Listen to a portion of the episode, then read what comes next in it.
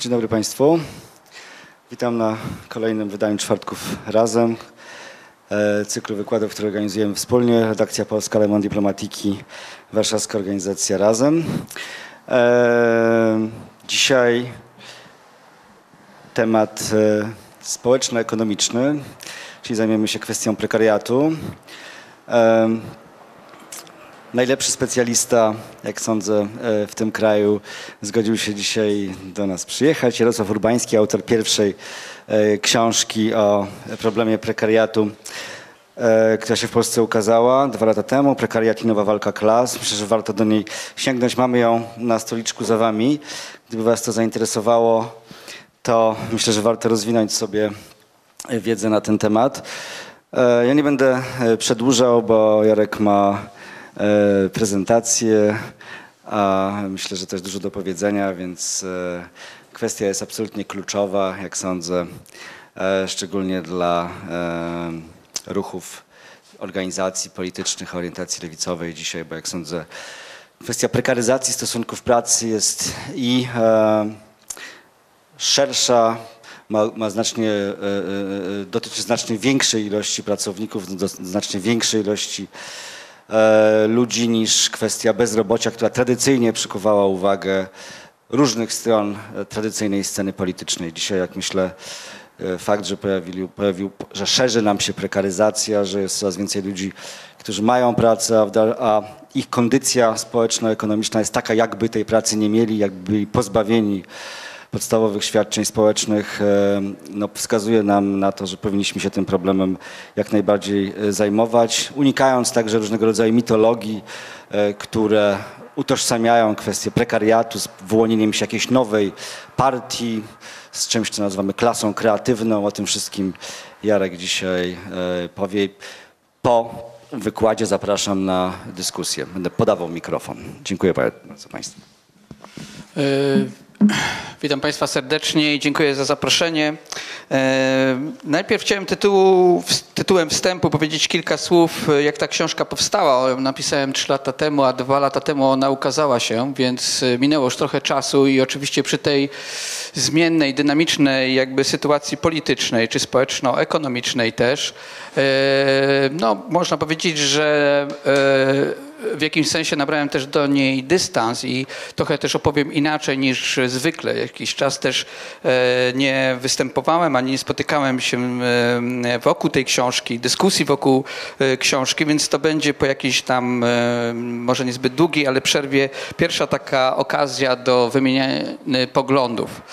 I na wstępie chciałem powiedzieć, i to piszę jakby też w książce, że ja nie jestem nauczycielem akademickim, znaczy nie jestem związany z żadnym właściwie e, akademią. Jestem socjologiem, prowadzę badania, hałturze też e, w jakimś sensie zarabiając na życie, ale nie jestem akademikiem. To znaczy tą książkę napisałem właściwie jako działacz, który zastosował pewne mm, socjologiczne narzędzia i pewną e, jakby takie socjologiczne, nazwijmy to umiejętności, ale generalnie rzecz biorąc ta książka jest związana z pewnym ruchem społecznym, który pojawił się, pojawił się kilkanaście lat temu. E, Pojawił się kilkanaście lat temu i również w Polsce miał swoje odzwierciedlenie i dzisiaj już można nabrać takiego troszeczkę dystansu, e, dystansu do tego. Znaczy mówię tutaj o ruchu alterglobalistycznym, który przyjmuje się, że jego początek sięga e, powiedzmy 1999 roku, czyli jakby wystąpień w Seattle, gdzie nie tylko ruchy społeczne, ale także związki zawodowe demonstrowały, w jakiejś części wspólnie doszło do jakiejś też e, no, jakiegoś sojuszu. E, Ten sojusz był dosyć kruchy, ale jednak tam się pojawił. Sojuszu. E, I e, na tej kanwie po prostu dochodziło do szeregu innych wystąpień pracowniczych i ruchów społecznych przez całą początek naszego stulecia. I te wystąpienia oczywiście dotarły też do Polski. Ta refleksja i ta narracja też związana z tymi wszystkimi ruchami społecznymi, wystąpieniami dotarła również do Polski i właściwie środowisko polityczne, z którym e, od zawsze byłem związany, to znaczy środowisko polityczne w, Po- w Poznaniu związane z ruchem anarchistycznym, e, nie, nie, nie tylko w Poznaniu, ale generalnie w, w kraju powołaliśmy taką inicjatywę, która się nazywała Inicjatywą Pracowniczą w 2001 roku, która miała za zadanie jakby współuczestniczenie w ruchu pracowniczym i jakby e, analizowanie też ruchu pracowniczego. Ta, ta inicjatywa potem się rozwinęła e, dosyć mocno i w 2004 roku e, jakby e, zawiązał się e, na tej jakby podstawie związek zawodowy, ale zanim do tego doszło, to po prostu braliśmy udział, e, współpracowaliśmy z innymi związkami zawodowymi, w tym przede wszystkim z nieżyjącym już Marcelem Szarym e, Zakładów Cegielskiego, e, który należał wówczas do e, Solidarności 80, jak również pojawił się wówczas taki ruch, który nazywany był ogólnopolskim ruchem protestacyjnym. E, To był ruch, który grupował e, różne, e, raczej pozazwiązkowo grupował różne protestujące zakłady pracy. Wówczas też wzrosła fala jakby protestów e, pracowniczych. E, Z biegiem czasu też powstał na przykład Komitet e, Pomocy i Obrony Represjonowanych Pracowników. E, Inne środowisko polityczne powołało nowego robotnika. Był to taki e, miesięcznik, gdzie tak naprawdę e, często e, wiele osób publikowało. To była jakby taka platforma wymiany, jakby również analiz, jakichś refleksji dotyczących jakby kondycji ruchu lewicowego i ruchu e, pracowniczego E, i e, myślę, że odgrył on e, ważną rolę. Tak samo zresztą jak takie właściwie można by powiedzieć w jakimś sensie marginalne wydawnictwa, jak na przykład Biuletyn Inicjatywy Pracowniczej, który dzisiaj przywiozłem, ostatni numer. Jeżeli ktoś by miał ochotę poczytać, to, to proszę bardzo, publikacja jest oczywiście darmowa, a, ale przez te wiele lat jakby Biuletyn Pracow- Inicjatywy Pracowniczej odgrywał taką rolę właśnie wymiany, e, wy- wymiany e, myśli związanej z ruchem pracowniczym, jak również e, w tym czasie osobiście, jak też inni, przeprowadziliśmy szereg wywiadów z pracownikami z różnych zakładów pracy. Również oczywiście w samej inicjatywie pracowniczej byli przedstawiciele identyfikujący się z anarchosyndykalizmem, przedstawiciele różnych zakładów pracy, także dużych zakładów pracy. Byli też oczywiście studenci, byli działacze, działaczki, byli no, przedstawiciele różnych e, środowisk, bezrobotni, ale byli też robotnicy e, z różnych sektorów, również przemysłu ciężkiego, który wówczas e, protestował, jak na przykład, jak na przykład Stocznia Szczecińska. I jeszcze jeden element, który jest tu wymieniany w tej książce który jest istotny był dla jej powołania i potem optyki, której tutaj proponuję w tej książce, czy którą tu się posługuje w tej książce, był związek nasz, czyli środowiska, za- jakby takie nawiązanie współpracy naszego środowiska poznańskiego zainteresowanej problematyką pracowniczą e, z niemieckimi e, działaczami i działaczkami skupionymi wokół e, autonomistycznego, marksistowsko-autonomistycznego czasopisma Wildcat, e, które to czasopismo jakby oferowało właśnie taką jakby perspektywę, e, perspektywę marksistowską, ale e, autonomistyczną, operaistyczną, którą później jakby razem żeśmy dyskutowali i na tej podstawie jakby rozwijały się również idee, to też od nich jakby dotarła przez nich, dotarła przynajmniej do nas, do mnie. Książka Beverly Silver, wówczas dopiero co wydana tak naprawdę, o ile dobrze pamiętam, e, na, na zachodzie, e, e, Siły Pracy, tak, Forces of Labor, która ukazała się nakładem książki prasy e, w, o ile dobrze pamiętam, w 2009 e, roku. Ta książka dla mnie i dla, tej jakby książki też o prekariacie była absolutnie fu, fundamentalną. Krótko mówiąc, książka ta jest jakby takim moim podsumowaniem pewnego typu aktywności działań, w- e, nie tylko jakby publicystyki i jakichś tam działań badawczych, ale przede wszystkim oczywiście wystąpień na, róż, na, na różnych płaszczyznach i różnych e, problemów, które wówczas żeśmy podejmowali, a jednym z nich było właśnie zastanowienie się najpierw nad, e, nad e, elastycznymi formami zatrudnienia, gdzie żeśmy organizowali też różnego rodzaju konferencje e, z lewicową alternatywą, która e, jak być może nawet wcześniej niż inicjatywa pracownicza zainteresowała się elastycznymi formami zatrudnienia i pracowała nad jakby takimi koncepcjami e, związanymi e, jakby z próbą analizy tego zjawiska, które wówczas nam się wydawało w jakichś tak okolicznościach jest e, nowe, jak również nad prekaryzacją, że to słowo też zaczęło funkcjonować i zaczęliśmy się zastanawiać, co ono oznacza, jak, jak on, co nowego wnosi do debaty na temat kondycji ruchu, ruchu e, pracowniczego. Jedna kwestia była pewna, że działaliśmy w momencie, kiedy tak naprawdę e, od e, no, ponad dekady twierdzono, że ruch pracowniczy przestał mieć jakby istotną rolę, tak? przestał pełnić ostatnio e, istotną rolę zarówno polityczną, przede wszystkim polityczną, i społeczną, ale też jakby przestał być też przedmiotem szerszego zainteresowania środowisk akademickich, które przestały absolutnie badać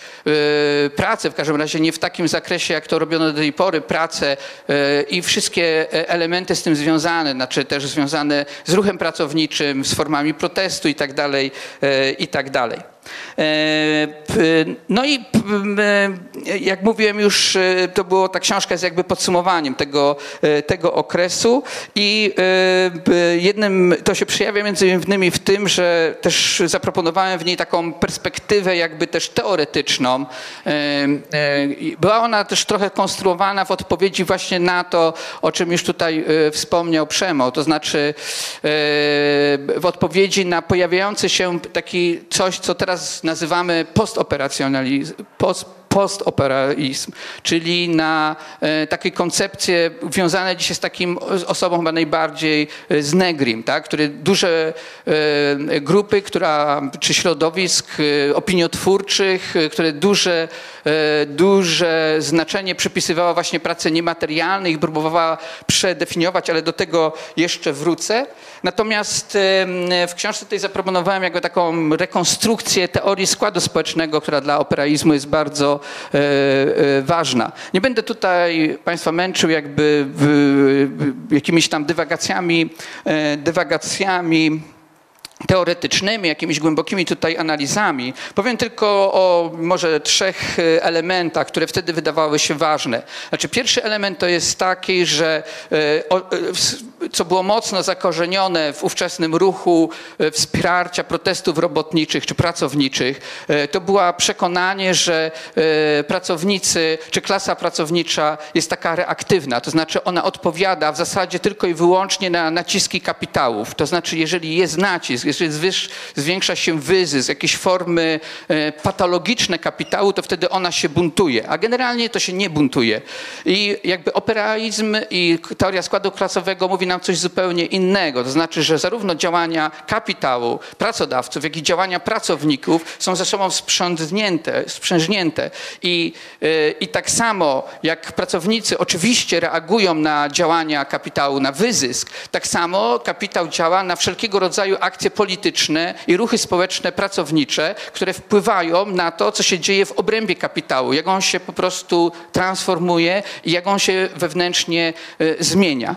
I to właśnie wynika z tej jakby tej górnej części, czyli następuje jakby e, e, dekompozycja, czyli kapitał z jednej strony naciska na klasę pracowniczą, próbuje ją na nowo zorganizować tak, aby móc ją bardziej wyzyskać, co, do, do, do, co dokonuje się zmiany składu klasowego, który jest wykorzystywany przez tych samych pracowników w tym celu, aby aby zbudować on- od nowa na opór, również opór polityczny, na nowo się zorganizować i tak dalej.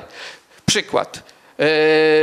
Jednym z takich, co doskonale wiemy, jedną z takich form e, jakby nacisku kapitału jest e, e, proponowanie niestabilnego zatrudnienia w postaci umów czasowych, tak? Czyli, że w ciągu dwóch tygodni czy w ciągu miesiąca można każdemu pracownikowi wymówić umowę i on przestaje po prostu być związany z danym zakładem pracy. A w związku z powyższym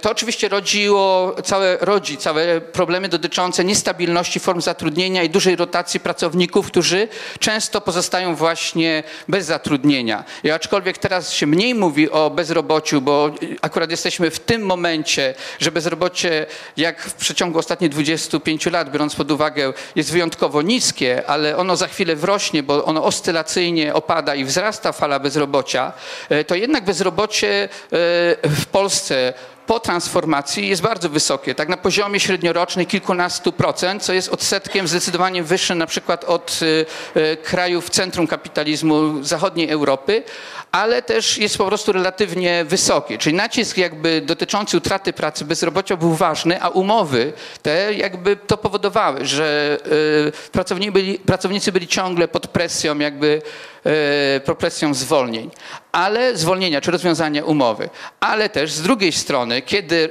bezrobocie opadało, jak na przykład w latach 2007 e, 2008, kiedy było bardzo relatywnie rzecz biorąc niskie bezrobocie, znaczy spadło poniżej 10, stopa procentowa spadła poniżej 10%, stopa bezrobocia spadła poniżej 10%, to wówczas pracownicy wykorzystują tą samą formę, e, jaką jest niestabilne zatrudnienie na swoją korzyść. To znaczy znałem wiele przypadków, kiedy pracownicy po prostu zrywali z dnia na dzień albo grozili pracodawcy, całe załogi groziły, że po prostu w ciągu dosłownie z dnia na dzień nie przyjdą do pracy i pracodawcy musieli jakby ustąpić. Z reguły to dotyczyło oczywiście roszczeń płacowych, bo to oznaczało, że jeżeli miało się zawartą umowę na czas określony, wypowiedzenie w ciągu dwóch tygodni realnie oznaczało, że się właściwie można było nie przyjść z dnia na dzień. Było jakieś tam do wykorzystywania urlopy i tak dalej. Z formalnego punktu widzenia zerwanie niestabilnych e, jakby tych e, warunków pracy również ze strony pracownika nie było problemem i oczywiście pracownicy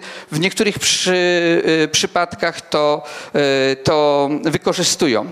W skali ogólnej można powiedzieć, i to właśnie o tym pisze Beverly Silver, że ważne są po stronie kapitału jako jego nacisk na pracowników, to jest właśnie e, przesunięcia, czyli e, przeniesienia kapitału w inne miejsce i grożenie jakby pracownikom, że zostaną jakby pozbawieni e, pracy. No to najbardziej takim dyskutowanym kilka lat temu, czy 10 lat temu jakby kwestią było przenoszenie wielkich zakładów pracy, całych branż z zachodu czy z Europy do Azji, tak? To alokacja. Alokacja już teraz nie jest tak mocno dyskutowana, ale jeszcze 10 lat temu kwestia alokowania przemysłu e, europejskiego i północnoamerykańskiego do krajów e, e, azjatyckich była mocno dyskutowana. Na przykład właściwie cały przemysł włókienniczy, ostoja XIX-wiecznego kapitalizmu został absolutnie zlikwidowany w krajach Europy Zachodniej, prawie co do pracownika i w Ameryce, i w Ameryce Północnej i przeniesiony do, do Azji, do Bangladeszu, do Wietnamu e, i do Chin, tak? To, e, albo też e, do Hondurasu czy do innych krajów Ameryki, e, Ameryki e, e, Łacińskiej. Ale te przesunięcia, e, ten nacisk i ten szantaż jakby kapitału e, ma też jakby też inne, nie musi być tylko przestrzenny, związany właśnie z alokacją przestrzenną, ale może też grozić, że zainwestuje swoje pieniądze jakby w inną branżę, albo też, e, albo też że na przykład e, e, zmieni jakąś e, formę produkcji e, e, i na przykład, które pozwolą, na przykład zastosuje nowoczesne rozwiązania technologiczne, które doprowadzą do zwolnienia dużej części załogi. I oczywiście to jest jakby odpowiedź kapitału na taką sytuację, kiedy pracownicy mają silną pozycję przetargową, to znaczy mają taką strukturalną, która wynika z tego, że zajmują, że właściwie na przykład jest niskie bezrobocie. Wtedy jakby pracownicy mają strukturalnie, e, strukturalnie silną pozycję i mogą łatwiej wystąpać, wystąp, występować z żądaniami e, wobec e, pracodawców, ale też organizacyjna. To znaczy to może być też taka sytuacja, że e, pracownicy są dobrze zorganizowani, e, są dobrze zorganizowani lub mają szczególne miejsce w procesie produkcji, to znaczy są grupy pracowników, które zajmują szczególne miejsce e, w, w, w, jakby w gospodarce. Taką grupą na przykład w czasie PRL-u byli górnicy i stoczniowcy. E, I też nie może dziwić przez to fakt, że to górnicy i stoczniowcy najczęściej podejmowali jakby akcje rewindykacyjne wobec państwa e, perelowskiego, które występowało tam właśnie w roli e, pracodawcy. I nie potrzebowali do tego niezależnych organizacji ani politycznych, ani związkowych, bo generalnie rzecz biorąc ich pozycja strukturalna pozwalała im na, na organizację swoich protestów poza, poza sferą, nazwijmy to organizacyjną, e, stowarzyszeniową. To jest jakby, e, jakby jedna kwestia. Te, te, te, te elementy są jakby bardzo ważne. One przewijają się przez całą książkę Beverly e, Silver i ja do niej wracam też w, w, tym, w tej części, która, gdzie, gdzie tu, w mojej książce, gdzie mówię o, o prekariacie. I generalnie rzecz biorąc, daję taką opis prekariatu w takich czterech czterech jakby odsłonach. To znaczy e, w momencie, kiedy pisałem tą książkę, już pojawiały się oczywiście wiele publikacji, między innymi na Zachodzie w 2011 o, o, u, ukazała się książka Standinga, ale też e, o prekariacie, ale też pojawiło się też szereg artykułów, również po polsku, które próbowały jakby wykorzystać to pojęcie i zdefiniować te pojęcie. I można było zaobserwować, czy pogrupować te podejścia na takie cztery, cztery opisy, ja to nazwałem. E, jeden z nich to jest najbardziej, e, najbardziej taki znany i najczęściej do niego sięgamy, tak mi się wydaje. Jest najczęściej też wykorzystywany w publicystyce. To jest opis formalny, który dotyczy, którą to czasami też ma go jakby, słyszymy o nim pod hasłem jakby elastyczności, elastyczności czasu pracy, e, płac, zatrudnienia, podaży pracy. Innym to jest opis ekonomiczny, to jest w kategoriach na przykład pracujących ubogich albo zadłużenia gospodarstw domowych. Inny opis to jest opis makrosocjologiczny, który próbuje jakby ująć to problem jakby prekaryzacji i mówiąc szczerze jest to jakby e, opis e, mi bardzo bliski e, w takich trendach, pewnego, pewnego rodzaju trendach ujęte jest ta kwestia w dłuższej perspektywie jakby czasowej, pokazującej, że tak naprawdę prekaryzacja w pewnym sensie nie jest jakby zjawiskiem szczególnie nowym, że kapitalizm ma to do siebie, że e, po prostu dokonuje rodzaju prekaryzacji cyklicznie i do tego zaraz wrócę. I opis egzystencjalny. To jest opis, który na przykład zaproponował e, socjolog e, Jan Sowa w swoim takim dosyć niedługim artykule, gdzie mówił, że, preka, że, że, że można tą prekaryzację opisać w takim sensie e, jakby poczucia lęku, ciągłej niestabilności, niemożliwości poskładania swojego życia i, i tak dalej, i tak dalej. Krótko mówiąc, staram się w tej książce opisać prekariat na, razie, na, na tych trzech, czterech poziomach. I najpierw y, może zacznę od tego y, poziomu makrosocjologicznego, który z wielu punktów jest jakby kluczowy, również pod względem jakby polemiki z takimi koncepcjami bliskimi negryzmowi czy y, postoperaizmu.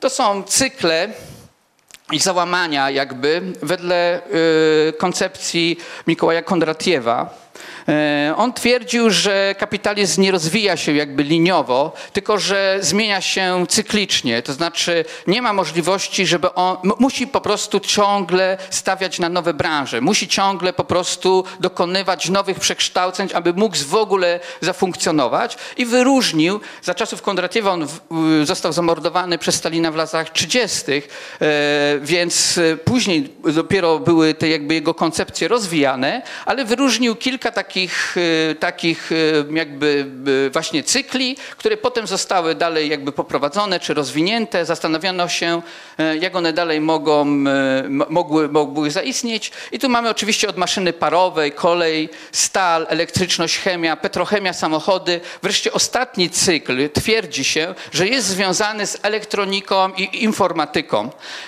Mówi się, że ten cykl został załamany w 2001 dokładnie roku, tak, kiedy nastąpiła k- e, krach na giełdzie. Znaczy ten krach na giełdzie był tylko jakby przejawem tego kryzysu tej branży, kiedy zostały przewartościowane, czyli tak naprawdę obniżono cenę e, e, wygórowanych jakby, e, wywindowanych w górę, e, jeżeli chodzi o wartość e, akcji firm komputerowych, zarówno hardware'owych, jak i software'owych i, e, i jakby ta, e, jakby ten cykl miał się, e, miał się załamać. Niektórzy twierdzili, że w ogóle przykładano zbyt dużą wagę do tego, iżby ostatni cykl informatyka i, i, i jakby związany z informatyką i e, elektroniką był ważny dla rozwoju kapitalizmu, między innymi dlatego, że w przeciwieństwie na przykład do bawełny, czy do e, w, w, ogóle przemysłu włókienniczego, czy przemy, przy szczególnie na przykład w przeciwieństwie do przemysłu samochodowego,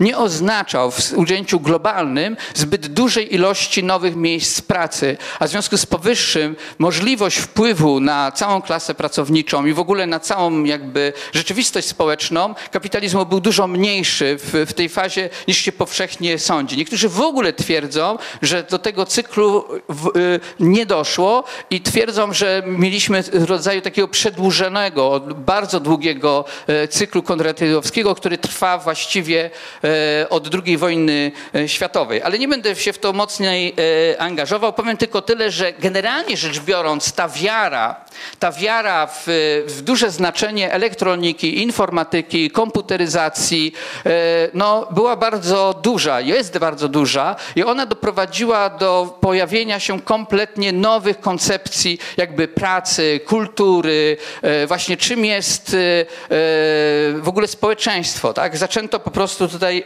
analizować to pod różnym względem i tak naprawdę jakby takim mocno słyszalnym głosem no było to, co pisał Negri Hart w swoich książkach wydawanych również w Polsce.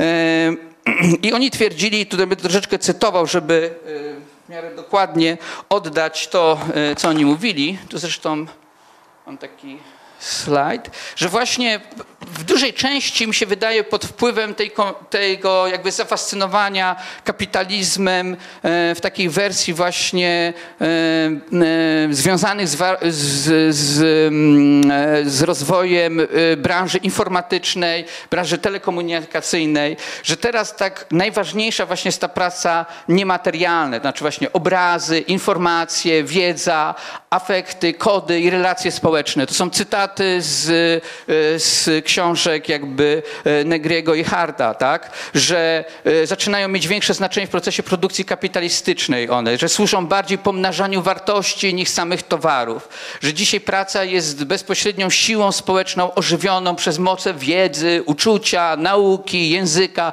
Praca się jawi po prostu jako moc działania, która jest jednocześnie jednostkowa i uniwersalna. To są też słowa jakby Harta i Negriego. Tutaj jest jeszcze jedna taka narracja się powiada, e, pojawia o pracy afektywnej.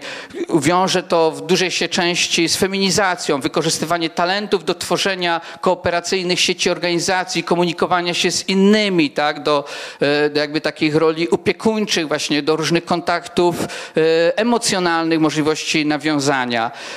Również takie zdarzają się momenty wychwalania no, nomadyzmu, jakiejś związanej z migracjami pracowniczymi. I e, ta, ta koncepcja jest też rozwijana dalej, to znaczy mamy tak jakby, e, że te nowe formy cybernetyki, kontroli komputerowej e, nakierowują nas na kwestie kultury, że praca jest związana z definiowaniem i utrwalaniem kulturowych i artystycznych standardów, mód, gustów, norm konsumenckich i opinii e, publicznej. I że w wąskim znaczeniu to na przykład pracownicy i pracownice mogliby tą klasę prekarną w tym momencie, nową klasę, znaczy tego jakby Negri nie, nie używa tego słowa, mogłaby stanowić pracownicy reklamy, PR-u, mediów, mody, sektora cybernetycznego, obojętnie co to miałoby znaczyć, a w szerszym znaczeniu tą klasą bylibyśmy my wszyscy w stopniu, w jakim rozpowszechniamy informacje o znakach firmowych, tworzymy subkultury, czytamy magazyny i tak dalej, i tak dalej. Krótko mówiąc, mielibyśmy pracować nawet wtedy, kiedy żeśmy nie wiedzieli o tym, że pracujemy. I em, oczywiście no to, to, to jest jakiś em, jakby taka no to są oczywiście cytaty i, i, i żeby to zweryfikować, e, to by trzeba było e, jakby wgłębić się w, w, w to, co Negri napisał, ale generalnie rzecz biorąc był on silnie przekonany, jest jak sądzę silnie przekonany, że i to wyrażał również w wywiadach dla prasy, że kapitalizm w tym swoim jakby wersji e, XX-XIX wiecznej, że przestał istnieć i że mamy do czynienia zupełnie z nową, e, z nową sytuacją. I teraz tutaj też e, przeczytam kilka sekwencji z jego e, wywiadu dla dziennika z 2000, dla e, e, gazety Dziennik w 2006 roku. Mówił on o przemijaniu terrorystycznych form organizacji produkcji, a co za tym idzie, zaniku klasy robotniczej, tak? że, że mm, miała się ona, mia, w ogóle kapitalizm jakąś taką tendencją miał się, miał się, albo był już martwy, albo w niektórych przypadkach, tak mówił e, Negri, a w niektórych przypadkach niektórzy podnoszą, że miało się jakoś przekształcić, jakąś swoją formę, na przykład kapitalizm kognitywny i tak dalej, i tak dalej.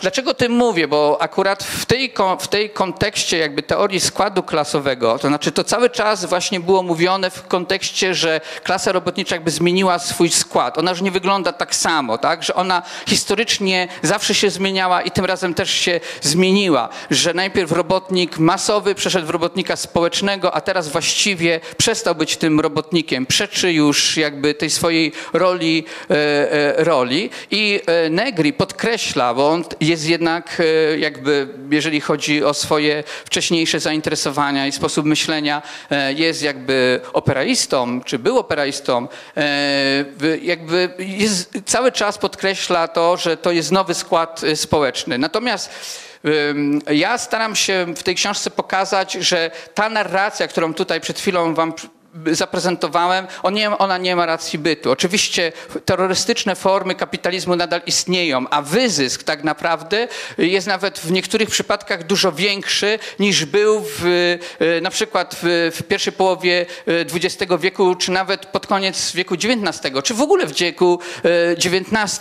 I to wbrew pozorom nie jest tak trudno udowodnić, e, bo oczywiście nastąpiło, co, z czym się należy zgodzić, nastąpił coś w rodzaju nowego podziału pracy, to znaczy e, pewne kraje, kraje Ameryki Północnej i Ameryki, e, Ameryki Północnej i Europy e, Zachodniej, one co prawda zaczynały odgrywać inną nieco rolę w międzynarodowym podziale pracy, to faktycznie tutaj czasami bardziej koncentrowały się te branże, które dotyczyły jakby zarządzania markami, bankingiem, czyli w ogóle zarządzania przepływami finansowymi, oczywiście reklamą, właśnie PR-em, to prawda, ale tak naprawdę e, ta produkcja masowa właśnie została alokowana, przeniesiona do innych rejonów e, e, świata, czy do Ameryki Łacińskiej, czy do Azji, gdzie te terrorystyczne formy pracy i terrorystyczne formy wyzysku, kapitalizmu kap- absolutnie przetrwały. I to nawet, biorąc pod uwagę z tym, jak one wyglądały po II wojnie światowej w Europie Zachodniej, w Ameryce Północnej, to one tak naprawdę, ta alokacja właściwie oznaczała e, w tym sensie regres, znaczy w sensie, e, że nastąpił wzrost jakby wyzysku e, pracowników, jeżeli traktujemy to pracowników w kategoriach jakby klasy globalnej, czyli wręcz przeciwnie, nie, nie, klasy robotniczej nie ubyło, ona uległa, nie, nie uległa zanikowi, a wręcz przeciwnie, nawet jej przybyło. Tak? Można by nawet powiedzieć, że jej, e, że jej e, przybyło, a tylko to, co wydaje się Negriemu z, punktu widzenia, z jego punktu widzenia, przyglądając się pewnym procesom w Europie Zachodniej i przyglądając się pewnym procesom w Ameryce Północnej, to tylko jest po prostu zmiana jakby w międzynarodowym podziale pracy i on niesłusznie, można by powiedzieć, że antropocentrycznie na przykład, utożsamia zmiany w Europie Jakby, z jakby ogólnymi tendencjami.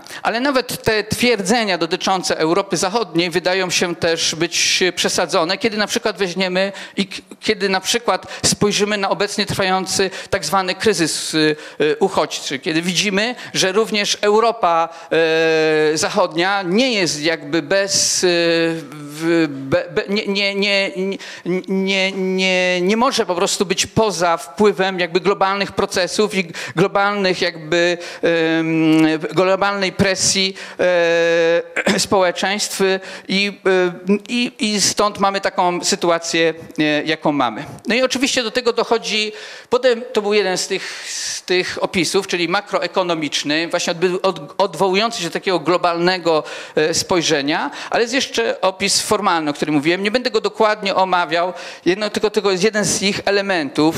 Przyznam, że jeden z moich bardziej ulubionych. Zwróćcie uwagę na ten wykres. To jest wykres mówiący nam, jak się rozwijały w ostatnim czasie agencje pracy tymczasowej. Znaczy z tych wszystkich jakby elementów dotyczących e, elastyczności, elastyczności płac, czyli to, żeby jak zapłacić jak najmniej, jak najpóźniej, na przykład likwidując wszelkiego rodzaju umowy taryfowe, czy to, co u nas się nazywa zakładowym układem zbiorowym pracy, czy ponadzakładowym układem zbiorowym pracy. Albo na przykład y, są jeszcze oczywiście elastyczność zatrudnienia. No to właśnie są te umowy na określony czas, albo umowy cywilnoprawne, tak? To jest jakby następna kwestia. No i w konsekwencji jest też taka elastyczność, która dotyczy jakby podaży pracy. To znaczy, żeby, czas, żeby pracę dostawi, dostarczyć zawsze just in time, tak? Czyli, czyli zawsze na czas. Yy, I tą rolę przejęły agencje pracy tymczasowej i agencje pośrednictwa pracy, które rozwinęły się i to jest też ewenement tak naprawdę dopiero w ostatniej dekadzie. I tutaj widzimy, jak przez lata 90. znaczenie agencji pośrednictwa pracy właściwie było niewielkie i dopiero od yy, 2004 roku, e, w 2003 weszła stosowna ustawa o agencjach pracy tymczasowej, spowodowała gwałtowny rozwój e, agencji pośrednictwa pracy. One teraz jakby rotują pracowników, kierując ich już do ponad miliona miejsc pracy w Polsce i za granicą, ale głównie w Polsce. E, I to absolutnie zmienia sytuację, bo e, agencje, czasy praco, e, e, agencje pośrednictwa pracy, jak również agencje pracy tymczasowej oczywiście oferują umowy, które dzisiaj nazywamy umowami śmieciow- śmieciowymi, czyli albo to są umowy cywilnoprawne, albo to są, albo to są umowy, umowy na czas określony. Kto jest jakby kto tak naprawdę y, jest zatrudniany przez te agencje. Otóż y, to też były takie, były też takie narracje mówiące, że, że tymi osobami zatrudnionymi przez agencje to są jacyś specjaliści, tak, mówiono o, y, o łowcach, y, łowcach głów, tak, którzy mieli jakby specyficzne, dobierać specyficznie poszukiwanych pracowników, ale tak naprawdę tak, tak nie jest. Znaczy w zdecydowanej więks- większości są to pracownicy, jak tu widzimy, do, do prac prostych, magazynierzy i pokrewni. E, Zdecydowaną większość w, w tak zwanym okresie w, w, e, największego obrotu w, a- w poz- podpoznańskim Amazonie stanowią właśnie pracownicy magazyniowi pozyskiwani pozyskiwani przez agencje pracy tymczasowej. Są to też operatorzy maszyn i urządzeń do produkcji, czyli zwyczajni robotnicy albo pakowacze, czyli najczęściej ci, którzy stoją przy taśmach e, produkcyjnych. Oczywiście też kasjerzy i sprzedawcy biletów, znaczy tu raczej kasjerzy, czyli tych, których widzimy w supermarketach, czy kasjerki, sprzedawcy sklepowi, to też raczej tych, których widzimy w sklepach. Na- 37%, ponad 37,7% w 2011 to byli inni, ale ci inni, gdyby ich się dokładnie przyjrzeć, to możecie mi uwierzyć, że to są też robotnicy fizyczni. Zdecydowaną większość e, miejsc pracy oferowanych przez agencje pośrednictwa pracy to są najbardziej robotnicze z robotniczych stanowisk pracy, jakie sobie można e, wyobrazić. Dzisiaj agencje pracy ponoć e, dysponują blisko dwumilionową bazą danych dotyczących zatrudnianych e, pracowników i to są głównie właśnie pracownicy e, robotnicy. Myślę, że nie ma dokładnych danych. Próbowałem je poszukać, jak duży wpływ na rynek pracy ma to, y, ma zatrudnianie przez Agencję Pracy Tymczasowej, ale y, i różne padają tam dane, ale można przyjąć, że jeżeli chodzi o ilość miejsc, którymi rotuje jakby każdego, każdego roku jest rotowana na rynku pracy, to myślę, że Agencje Pracy Tymczasowej, powiem tylko tyle, że na pewno e, mają tutaj istotne, istotne, istotny udział w, tym, w, te, w tej rotacjach, tak? w, tych, w tych ilości miejsc, oferowanych miejsc pracy. Oczywiście to też oznacza, że państwo jakby wycofało się e, z tej e, roli jakby e, kształtowania, aktywnego kształtowania rynku, rynku pracy. Teraz opis egzystencjalny. Tutaj też nie chciałbym być może za dużo powiedzieć, ale myślę, że najważniejszą rzeczą, którą tutaj zaproponowałem w tej książce, jest też jakby taka e, zrezygnowanie z takiej narracji, że chociaż ona już taka nie jest obecna. Jak pisałem tą książkę, e, może więcej jakby mniej się na ten temat mówiło i było bardziej takich stereotypów więcej na ten temat. Generalnie rzecz biorąc, postrzegano sytuację tak, że, e, że jakby, mm, że wszelkiego rodzaju kwestie lękowe związane właśnie z egzystencją jakby nie bardzo przystają do analiz klasowych. Ale się okazuje, że tak nie jest, że większość osób, które na przykład popełniają samobójstwa, co dowodziła e, Maria Jarosz w swojej znakomitej książce dotyczącej samobójstw, e, to dotyczą robotników i dotyczą pozycji ekonomicznej e, pracowników. I jak, mamy, jak wygląda sytuacja? Ona też dowodziła, że z początkiem, z początkiem e, jakby transformacji w Polsce gwałtownie wzrosła liczba e, samobójstw, co widzimy na tym wy- wykresie, po czym zaczęła gdzieś tak od końca lat 90. sukcesywnie spadać i e, znowu dynamicznie rosnąć w ostatnich latach. Z danych za 2015 rok nie ma, mówi się, co na pewno jest związane też ze zmianami politycznymi, że ten, że ten, że będzie trend lekko spadający, to znaczy gdzieś będzie mniejsze prawdopodobnie. O 10-15% liczba samobójstw niż w roku 2014. Będzie mniejsza liczba sa- samobójstw niż w 2014. Em, Ona twierdziła, że, e, mówię o Marii Jarosz, że e, że y, dużą część samobójców, bo to byli głównie mężczyźni, jak wszyscy wiedzą, głównie mężczyźni popełniają samobójstwa. Musimy też wiedzieć, że powiedzmy, kiedy mówimy tutaj o y, 5,5 y, tysiąca samobójstw rocznie, to pomijając to, że to jest mniej więcej skala y, dużo więcej nawet niż dzisiaj, na przykład jest liczba wypadków samochodowych, to na każde udane samobójstwo przypada według różnych badań i różnych opinii od 10 do 15 nieudanych samobójstw. Także to nie jest jakby skala e, mała. Ona twierdziła, że w, tej, w, tym, w tym czasie głównie samobójcami byli robotnicy ze średnich i małych miasteczek, pracownicy e, zakładów, likwidowanych zakładów pracy w średnim wieku 40, 50, 50 lat. E, I oczywiście e, te samobójstwa brały się jakby z restrukturyzacji, którą wtedy zafundowano e, społeczeństwu. I dzisiaj, a to jest tylko moja hipoteza, raczej może nawet intuicja, dzisiaj myślę, że pewne takie dane statystyczne na to wskazują, że dzisiejszy wzrost samobójstw dotyczy właśnie bardziej osób młodych, sprekaryzowanych, dotyczących właśnie, myślę, procesów prekaryzacji. Mogę tylko dodać, że w 2013 roku GUS zmienił sposób liczenia samobójstw i z tego może wynikać ten wzrost. Że to zrobił? Że GUS zmienił metodologię liczenia samobójstw. Więcej, więcej przypadków się łapało do, do, do statystyk. Znaczy mógł, no tak, no mogło, jakbyś, jakby były jakieś zmiany.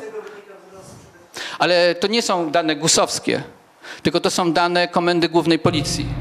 Ale to jakby GUS bierze dane, z- zbiera dane z... Ale to nie są dane GUS. To są dane, nie znam danych GUS, może są takie same, natomiast ga, y, to są dane podawane, podawane y, to są dane y, Komendy Głównej Policji. Można wejść na stronę i je z- jakby zweryfikować. Znaczy, bo ja się zajmowałem sa- samobójstwami, więc wiem, że po prostu w 2013 roku była zmiana metodologii liczenia i z tego wynika gwałtowny wzrost.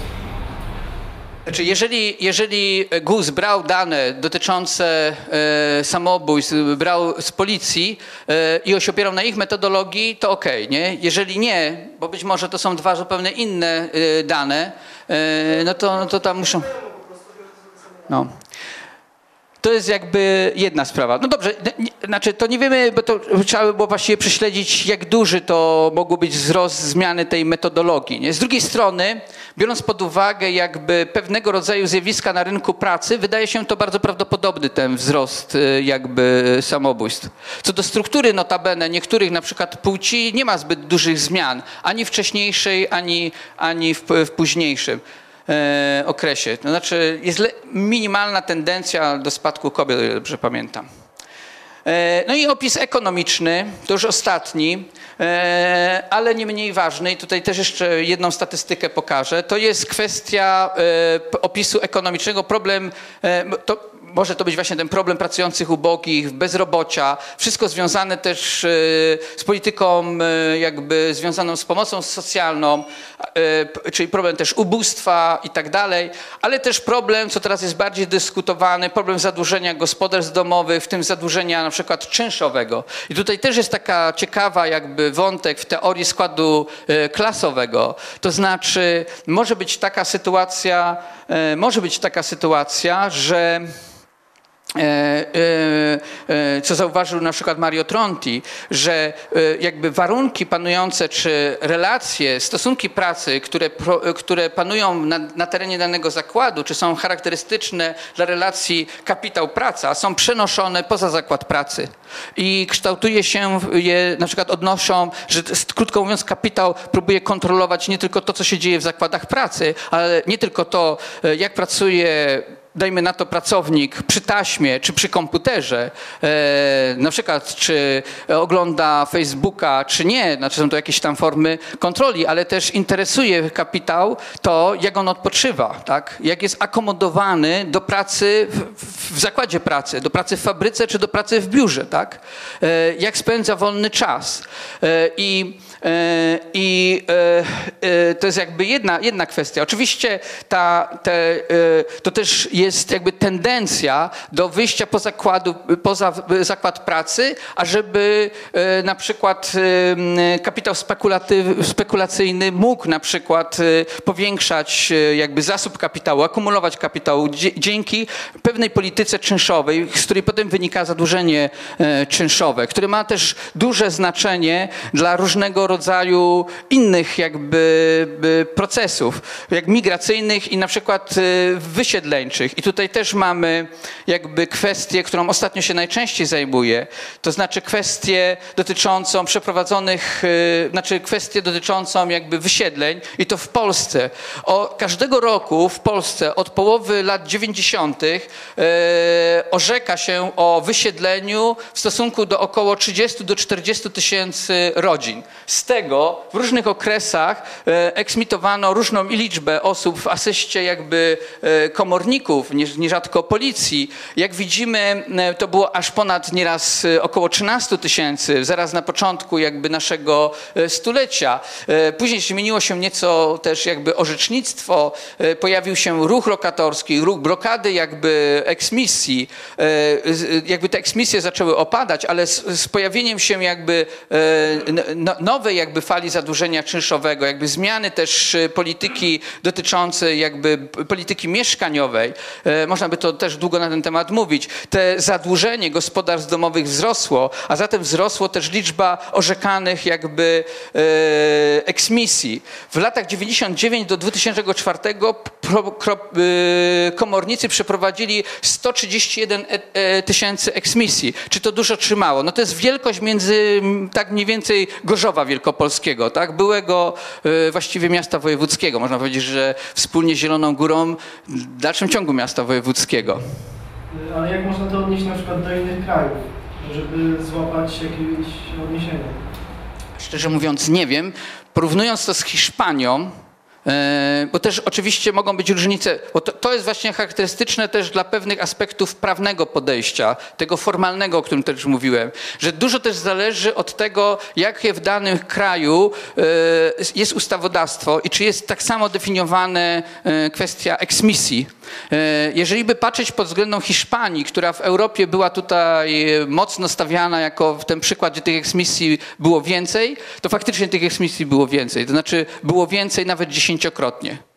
Ale na ile te dane były, były przystawalne między dwoma krajami jest mi trudno powiedzieć, bo nie, nie badałem, jakie są różnice, jeżeli chodzi o kwestie, e, o kwestie e, prawne. Z drugiej strony, Piotr? Tutaj będzie e, tak naprawdę w Polsce, jeśli chodzi o same wyświetlenie, dużo większa e, liczba faktyczna, ponieważ w same eksmisje nie wchodzą licytacje komornicze, które też skutkują e, wysiedleniem ludzi, którzy się zadłużyli, a mieli mieszkania brane na kredyt albo własnościowe. To też jeszcze bierze się z tego, że nie wiem, czy te dane, o których mówiłem, hiszpańskie, mówią o eksmisji, eksmisji, czy o wyroku eksmisyjnym. Jeżeli byśmy wzięli wyrok eksmisyjny, to w Polsce jest o 40, 20-30 tysięcy. To w, w szczycie ponoć eksmisji, ponoć, zastrzegam się, że nie dam za te dane głowy, ponoć było 70 tysięcy eksmisji. 70 tysięcy eksmisji.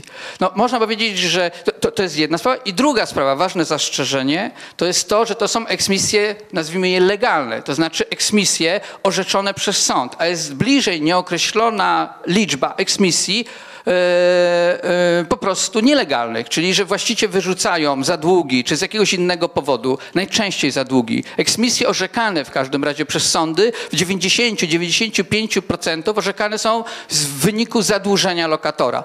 Natomiast e, oczywiście jest jakaś, e, jakaś bliżej niesprecyzowana liczba e, eksmisji, e, eksmisji, mm, e, eksmisji dzikich eksmisji przeprowadzonych bez wyroków sądowych. My w Poznaniu mieliśmy no, szereg, i w Warszawie to chyba nawet więcej niż w Poznaniu, bo szereg przykładów y, dokonywania takich dzikich eksmisji y, i to niekiedy w sposób bardzo brutalny. Więc y, no to, to jest jakby, to jest też jakby ciekawa rzecz. To znaczy, mówiąc też tak teoretycznie i też w tej książce tego mocno nie podkreślam, ale można by było iść w tą stronę, że teoria składu klasowego pozwala nie tylko na analizy dotyczące stricte stosunków pracy w obrębie na przykład zakładów czy stosunków między pracą a kapitałem, ale też oczywiście to też są stosunki między pracą a kapitałem, ale też może wyjść poza jakby ten obszar stosunków, stricte stosunków y, y, zakładowych, czy stricte stosunków, jak kiedyś określano, przemysłowych, tak? I wejść na pole, gdzie ten wyzysk i drenaż na przykład y, kieszeni pracowniczych się odbywa. To znaczy, na przykład w Poznaniu, nie, nie, nie będę w to się wgłębiał, nie, to może już z tym skończę. W każdym razie drenaż y, chodzi w czynszach, wzrastających czynszach, wzrastających opłatach eksploatacyjnych następuje również drenaż y, jakby dochodów pracowniczych. Na tym, może na ten moment y, poprzestańmy. I teraz to, to jest jakby taki, oczywiście taki, nazwijmy to, taki z, obraz yy, mniej więcej, czego zawarłem w tej książce, e, jaka jest struktura tej książki do, do pewnego momentu. E, A w ostatniej części zajmuję się jakby taką dynamiką właśnie walk klasowych. I tutaj bym chciał wyjść poza trochę tą książkę, chociaż mówiąc też o tych eksmisjach też wyszedłem, bo tutaj tych danych nie znajdziecie, gdybyście ich szukali. Jeżeli ktoś szuka danych dotyczących kwestii mieszkaniowych, polityki mieszkaniowej, to w tej książce ich w zasadzie nie ma. E, Natomiast tu bym chciał też y, i chciałbym tutaj powiedzieć ostatnią kwestię, omówić. To jest kwestia strukturalne i strukturalnego i dynamicznego podejścia do podziałów klasowych. Ostatnio ukazała się w, nakładem krytyki politycznej książka Domańskiego dotycząca struktury klasowej w Polsce. Ja mówiąc szczerze, jej jeszcze nie czytałem od deski do deski. Przejrzałem tylko zwłaszcza tabelki ze statystykami, ale akurat tak się składa, że y, badałem też tą strukturę i tą metodą Domańskiego strukturę klasową i y, aczkolwiek nie podzielam jako aktywista, jeżeli chodzi o znaczenie dla jakby aktywi- e, e, dla ruchu pracowniczego, dla aktywizmu jakiejś te, tego typu metody, to w sensie socjologicznym y, dostarcza ona ciekawych jakby spostrzeżeń. E, i, klub polega na tym, że można wyróżnić, e, badając zawód, za, zawód e, określając zawód e, danej osoby e, poprzez serię pytań ankietowych e, różnego typu, określając zawód danej osoby, można z dosyć dużym, według Domańskiego, i mi się wydaje, że tak jest, dosyć dużym jakby, dużą precyzją umiejscowić daną osobę, danego pracownika na takiej hierarchicznej jakby drabinie społecznej, e, która mniej więcej tak wygląda, jak tutaj wam prze, przedstawiam. To znaczy generalnie w którymś momencie Domański odchodził od takiego hierarchicznej jakby struktury społeczno-zawodowej, ale, e, a ja do niej wróciłem i to, to jest moja propozycja, ale ona się dużo nie różni od wszystkich innych opracowań, nie tylko Domańskiego, która wykorzystuje tą metodę. Czyli na dole, tutaj akurat nie ma, my mówimy tutaj o pracownikach w przemyśle, tutaj chyba nie ma e, robotników, znaczy, przepraszam, rolników, czyli od e, niewykwalifikowanej czy półwykwalifikowanych pracowników fizycznych, czy pracowników fizycznych, fizyczno-umysłowych, to są pracownicy, pracownicy, pracownicy e, sektora usług, aż po kadry kierownicze. Tak mniej więcej ta struktura wygląda. Ta struktura jest wyznaczona poprzez trzy podstawowe kwestie, to znaczy złożoność pracy, prestiż i wynagrodzenie. To znaczy, im wyższy, im wyżej w- tej hierarchii y, stoi dana grupa społeczna, tym większe jej jakby, można powiedzieć, że w tak właśnie w duchu negryzowskim, e, jakby napisał Negri, że tym większa ich jakby specjalizacja, czy właśnie e, prawo e, i zdo- zdolności, umiejętności zarządzania innymi, zajmowania się kwestiami projektowania pewnego procesów produkcji i tak dalej, a im niżej, tym jakby jest mniej złożona ta praca, którą wykonują ci pracownicy. To jest jakby jedna takie założenie. No i oczywiście są też różnice dochodowe i też kwestia, e, kwestia, kwestia wynagrodzenia. Tutaj wyższe, tutaj niższe. Ta skala jest tam dokładnie analizowana, ukazują się jakby nowe komentarze, jak badać, są też wzory ankiet i tak dalej, i tak dalej. I jak widzimy prekariat jako taki, e, który, jak mówiłem, można było tam opisać e, na czterech różnych poziomach, w zasadzie można powiedzieć, że, e, że jakby przecina tą, tą, tą piramidę e, wzdłuż. To znaczy, że jakby te prekarne, e, szczególnie jeżeli chodzi o taki opis formalny, warunki pracy dotyczą różnych poziomów zatrudnienia. Przy czym, jak się robi niektóre e, badania, to właśnie im im, e, im jest się naj, na niższym poziomie w tej jakby strukturze społeczno-zawodowej, tym e, jakby ten odsetek osób narażonych na zatrudnienie prekarne czy na warunki prekarne jest większy. To jest nieprawda, jak ktoś się próbuje nas powiedzieć, że pracownicy umysłowi i wyżej jakby sytuowani też są sprekaryzowani. Pomijając fakt, że prekarność, czy jakieś formy na przykład umów, y, y, umów na czas określony, czy to, co mówimy śmieciowych, co innego oznacza dla y, wysoko wykwalifikowanych, czy średnio wykwalifikowanych specjalistów, a co innego oznacza dla tych osób, którzy pracują na przykład w sektorze, w sektorze usługowym, E, to tak naprawdę e, im niższa pozycja według Domańskiego społeczno-zawodowa, tym naprawdę można się doszukać więcej jakby tych osób, które ulegają e, jakby prekaryzacji. Ale co ciekawe, o tutaj tabelka znikła, ale widać, jak się tutaj, co ciekawe, w czasie badając e, jakby strukturę społeczno-zawodową, Domański, to można przeczytać też w tej książce, E, Domański stwierdził, że typowej klasy robotniczej, którą można tutaj tak zdefiniować według struktury klasowo-zawodowej, jak tutaj jest napisane, e, od właściwie początku lat 80. do dziś nie ubyło w ogóle. Czyli stosując tą metodę badawczą, bardzo sformalizowaną, strukturalną, mało dynamiczną, e, ale stosowaną w socjologii, za to bardzo dokładną, E, to by wychodzi, wy, że są oczywiście pewne wahnięcia, ale generalnie klasy robotniczej, tradycyjnie rozumianej, według koncepcji domańskiego rozumianej, jest cały czas to samo. Co w, w kontekście, jak tutaj mamy na dole, e, skolaryzacji, która od lat 90. wzrosła od niecałych 13% do około 50%, wynikałoby, że to jest kwestia dziwna. To znaczy, że na studiach wniosek. Na studiach pojawiają się osoby, które nie mogą awansować na strukturze społeczno-zawodowej, ponieważ specjalistów, jak było na przykład 5 do 10%, tak tyle już pozostało.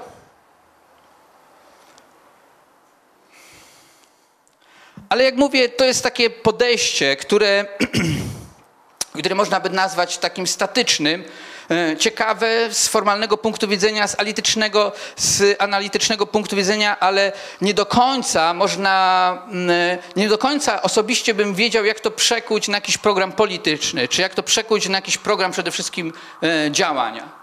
I, e, i e, ujęcie takie dynamiczne. I to jest właśnie ujęcie, które zaproponowała Beverly Silver, e, która obserwowała po prostu konflikty pracy, analizując je na podstawie czegoś, co można nazwać monitoringu prasy. Znaczy wybrała odpowiednie tytuły e, z różnych gazet, e, które by dawały pojęcia o konfliktach globalnych od końca e, lat 70. XIX wieku i skończyła tą swoją pracę w 1996 roku, która pokazała, co być może, co być może miało też wpływ na, na późniejsze jakby narracje dotyczące jakby końca klasy robotniczej, że od II wojny światowej tendencja e, była spadkowa, czyli tych konfliktów pracowniczych jakby ubywało w skali globalnej, poza tym jakby momentem 68 roku, czy tam lat 70., kiedy ich na moment e, przybyło, ale wcale nie tak e, radykalnie. Jak skończyła tak naprawdę swoje badania, to rozpoczął się właśnie ruch alterglobalistyczny i tak naprawdę nastąpił wzrost e, gwałtowny, można nawet powiedzieć, protestów pracowniczych w skali światowej. Część z nich obserwujemy, bo dotyczą, e, część z nich obserwujemy, bo dotyczą e, naszego kraju, czy dotyczą po prostu Europy. Jakoś tam są relacjonowane. E, One się odbyły no, we wszystkich właściwie krajach. Najbardziej e, jaskrawym tego przykładem jest Grecja, ale też oczywiście e, Hiszpania, no po prostu wszystkie kraje. Ale być może najbardziej zaskakujący jest wzrost, tutaj akurat nie mam tego wykresu, ale w książce on jest, wzrost, gwałtowny wzrost liczby konfliktów w Chinach gdzie e, jest on po prostu wielokrotnie większy. Także tam, gdzie kapitał się przeniósł, doprowadziło do sytuacji, że za nim przeszły wszystkie konflikty, e, które e, być może, gdyby nie było tej alokacji, wybuchłyby w krajach centrum kapitalizmu. To jest jakby taka, taka tego typu mm, jakby ujęcie, które nam pokazuje w skali globalnej, jak ten rozkład konfliktów mógł się rozkładać. I oczywiście mamy też taką sytuację w Polsce, gdzie akurat analizuję, w, jak na przestrzeni po okresie tak zwanej transformacji wyglądały konflikty i czy one też się zmieniały, bo też jeżeli mówimy o o, o, o, składzie klasowym i o też prekariacie, to razem ze zmianą, zmianą jakby, mm, e, e, zmianą e, składu klasowego, a prekariat mogły być, czy prekaryzacja warunków pracy mogły być takimi, mm, takimi, e, takim przejawem zmiany składu klasowego, zmieniają się też jakby formy nieraz oporu. Jak widzieliśmy na przykład, jak widzimy tutaj na tym wy, wy, wykresie, w, w latach e, taki wzrost napięcia społecznego po transformacji nastąpił w 92-93 roku, ale opierał się on głównie na fali strajkowej. Ta fala strajkowa była wielokrotnie, może nie wielokrotnie, ale dużo, dużo większa niż na przykład fala strajkowa z lat 80., tak, która wyniosła, e, jakby przyniosła ruch Solidarności. E, ta fala strajkowa w takich liczbach bezwzględnych była większa. Natomiast od któregoś momentu, chociaż nie ma dokładnych danych z lat lat 90. E, ta fala narastała, e, e, narasta, ale są to przede wszystkim demonstracje uliczne, czyli że protesty społeczne, w dużej części też protesty pracownicze, jakby wyż, wychodzą spoza jakby tradycyjne formy walki na terenie zakładów pracy. Oczywiście taką formą walki jest strajk. One do końca nie zamarły, gdzieś tam czasami po prostu ich też przybywa. I tradycyjną formą jakby oporu zaczęły być jakby e, akcje uliczne, w tym również blokady. Tak? Czyli na przykład e, w latach e, największego spiętrzenia tego typu akcji, 2002, 2003, 2004, trzeci szczególnie, to były blokady na przykład rolnicze, które miały też różny charakter i to jest też niedoceniane, nieprzeanalizowane jakby cały ruch dotyczący właśnie ruch pracowników, czy tam ruch e, rolników, e, który, którzy w dużej części też mieszkali e, na obszarach, które dokonywało się jakby dezorganizacji, kompletnie deindustrializacja e, i łączyło się to też z, z ruchem oporu jakby e, e, rolniczego. Tutaj e, to też jest ciekawe, nieprzeanalizowany w ogóle ruch samoobrony, tak, który nastręcza wiele problemów w związku z osobą taką jak Andrzej Leper, ale który sam w sobie jako ruch społeczny był generalnie dosyć dużym fenomenem. E, To znaczy to był ruch, który od, la- od lat o- 90. od zera, jako ruch związkowy, bo tak się określał, jako ruch związkowy, wyniósł swojego lidera, e, jak dobrze pamiętamy, w 2005 roku do pozycji e, wicepremiera. E, No to nie jest tak, e, e, to nie był po prostu przypadkiem. I też, gdy się analizuje jakby przebieg konfliktu, wokół, który między innymi generowała samoobrona, w którym brała udział, to pokazuje, że te problemy i ten ruch społeczny, który wyniósł Lopera do władzy, nie był jakby ani przypadkowy, ani bezsensowny. Jakby myślę, że ten wątek czeka jeszcze na, na rozstrzygnięcie. I to chyba, jeżeli chodzi o slajdy, wszystko. Czy może kilka słów podsumowania. Aczkolwiek sprawdzę. Mówiłem równą godzinę, tego się obawiałem. E, może tylko chwil, ki, kilka słów, e, e, słów podsumowania. Znaczy pierwsze to chciałbym powiedzieć, że oczywiście posługując się pojęciem prekariatu, posługujemy się właśnie, w, mo, moim zdaniem, warto się nim posługiwać, analizując w ogóle sytuację całej klasy robotniczej i analizując, czy prekariat jest jakby nowym elementem w składzie klasy robotniczej jako takiej. Oczywiście czasami się pojawiają na tego typu spotkaniach pytania do mnie, czy jest sens mówić o prekariacie, czy nie można byłoby mówić o proletariacie. I oczywiście jakby ktoś zadał takie pytanie z sali, no to odpowiem na nie, bo mam przygotową odpowiedź. Generalnie zmierza ona w kierunku takim, że nie, że potrzebne są nowe op- opisy, ponieważ skład społeczny klasy robotniczej, skład klasowy zmienny jest, jest zmienny historycznie i on po prostu dla podkreślenia tej zmiany i szukania nowych jakby możliwości walki potrzebne są czasami nowe pojęcia. To tak bardziej, e, naj, najbardziej e, skrótowo. Druga strona to jest jednak to, że, e, że i to te zarzuty czasami też padają i myślę, że, doko- że są w jakiś sposób słuszne, że cała ta narracja również wo- wokół Negriego, ale w ogóle od pojęcia e, prekariatu czasami zasłania nam to, że pewne rzeczy e, się dzieją, a my, my myślimy, że się nie dzieją. To znaczy na przykład proletaryzacja wsi. Coraz większy udział e, wśród mieszkańców wsi mają pracownicy typowi robotnicy. Znaczy miasta, szczególnie duże miasta, e, coraz bardziej są jakby, nazwijmy to, siedzibą e, specjalistów i jakby inaczej w ogóle wygląda skład społeczny miast, a inaczej po prostu wygląda skład społeczny wsi. Do dużych zakładów pracy, które powstają w specjalnych strefach ekonomicznych lub w strefach, które nie są z formalnego punktu widzenia specjalnymi strefami ekonomicznymi, ale w nowych zakładach pracy pojawiają się miejsc, miejsca pracy, do których dowozi się pracowników ze wsi tysiącami, setkami tysięcy, milionami. Pracowni... Wieś się proletaryzuje.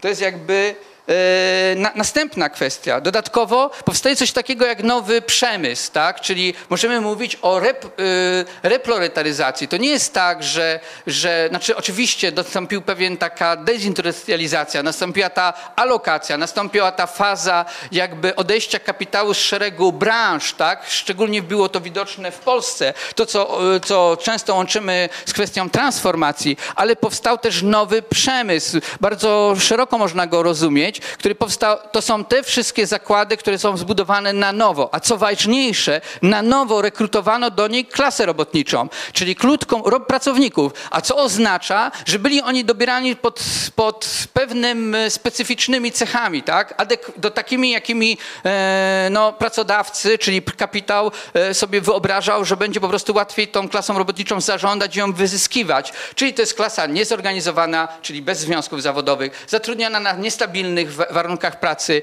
w, e, dowożona, e, czyli e, że miejsce pracy nie tak jak w XIX wieku nie łączy się z miejscem zamieszkania i tak dalej, i tak dalej. Krótko mówiąc, ta kwestia, na tą kwestię też trzeba zwrócić jakby uwagę. To jest jakby następna i ostatnia kwestia, to znaczy często właśnie analizy prekariatu e, są dosyć formalne i to są bardzo ważne analizy, bo jednak w sensie politycznym potrzebna nam jest argumentów formalnych, również dotyczących jakby uregulowań ustrojowych. To znaczy chodzi o odpowiedzenie na pytanie, jaki mamy ustrój pracy, jaki byśmy chcieli, żeby ten ustrój pracy wyglądał. Tak? To, to są ważne pytania. I oczywiście analiza formalna, o której tutaj mówiłem, na przykładzie e, Agencji Pracy Tymczasowej, ale można by było na przykład na przykładzie e, rodzajów umów, zakładowych układów zbiorowych pracy, czy w ogóle umów taryfowych i tak dalej, i tak dalej, i tak dalej. W ogóle zmian w kodeksie pracy, e, no dziesiątki jakby tematów, które nam próbują jakby doprecyzować kwestie ustroju, e, ustroju pracy, ale jest jeszcze, oprócz tej formalnej strony, jest jeszcze może ważniejsza strona, czyli jak się układa dynamika walk, tak? Czyli czy, e, czy tych protestów ubywa, czy przybywa, bo często jest taka narracja, z którą ja się kompletnie nie zgadzam i w tej książce to powtarzałem, ale nie tylko w książce, to też kilka razy też w jakichś tam artykułach wspominałem, że absolutnie nie jest tak, że klasa robotnicza przestała, e, e, przestała protestować. Ona po prostu zawsze było tak, że, że jakby fale protestów pracowniczych raz przybierają, raz opadają. One, to po pierwsze. E, po drugie, mogą się zmieniać formy protestów pracowniczych, być bardziej adekwatne do sytuacji, w jakiej znajduje się obecnie klasa robotnicza, klasa pracownicza, czyli również e, na przykład bardziej adekwatne do sytuacji prekariusza. Jeżeli prekariusz, czyli pracownik, który zmienił, dajmy na to, w ciągu 5 lat, a znam takie przypadki, 17 zakładów pracy, to on nie jest przywiązany do konkretnego zakładu pracy, ba, nie jest przywiązany nawet do konkretnego miejsca. To gdzie on ma protestować? Do kogo kierować jakby swoje, e, swoje e, żądania, tak? Jak ma wyglądać jego zaangażowanie polityczne, tak? Często się okazuje, że jedynym punktem odniesienia, choć nie zawsze, w zasadzie może być to, co on ma do powiedzenia na kanwie jakby lokalnej, czyli w stosunku do gminy, które w wielu przypadkach zaczynają odgrywać takiego rolę, e, co też jest związane ze zmianami ustrojowymi, e, rolę e, no, jakby podmiotu, do którego kieruje się konkretne żądania. Oczywiście to jest spowodowane z tym, że gminy po pierwsze są ważnymi pracodawcami, a po drugie dlatego, że są tymi podmiotami, które kształtują na poziomie lokalnym politykę socjalną, a nawet politykę zatrudnienia i decydują o coraz większym odsetku, e, odsetku e, m, jakby środków publicznych. Dlatego e, jakby nie można zakładać, a często się tak zakłada, że adresatem żądań jest tylko i wyłącznie kapitał, który występuje tutaj pod dość abstrakcyjną jakby figurą, bo nie wiemy do końca do kogo, kogo dokładnie mamy na myśli, bo nie jednego konkretnego pracodawcę, bo go właściwie zmieniamy co chwilę, ani też państwa, które tak naprawdę wyzbywa się odpowiedzialności i spycha tą odpowiedzialność za zatrudnienie, za kształtowanie właśnie ustroju pracy na wspólnoty lokalne, czyli na władze lokalne. I to są też ważne procesy, które jakby e, mają właściwie można powiedzieć fundamentalne znaczenie, jeżeli chodzi o kształtowanie ruchu politycznego i ruchu społecznego, e, ruchu zawodowego, e, no pracy wszystkich pracujących. I to są jakby pytania, które warto zadać, jeżeli mówimy o prekaryzacji, bo to jest związane z prekaryzacją, bo to jest właśnie, to dla mnie osobiście to jest właśnie ten prekaria, czyli ta, e, te pojęcie, które pozwala nam wspólnie spojrzeć na pewne problemy, patrząc w jeden punkt, pytając o tym, jak wygląda ten ustrój pracy i jak wygląda nasza walka e, jako przedstawicieli lewicy e, z pracodawcami i z kapitałem. To tyle.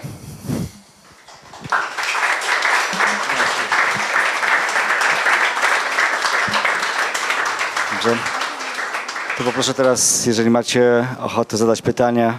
Ja będę podchodził z mikrofonem, bo mam rejestrację, więc, e, więc do mikrofonu proszę pytać.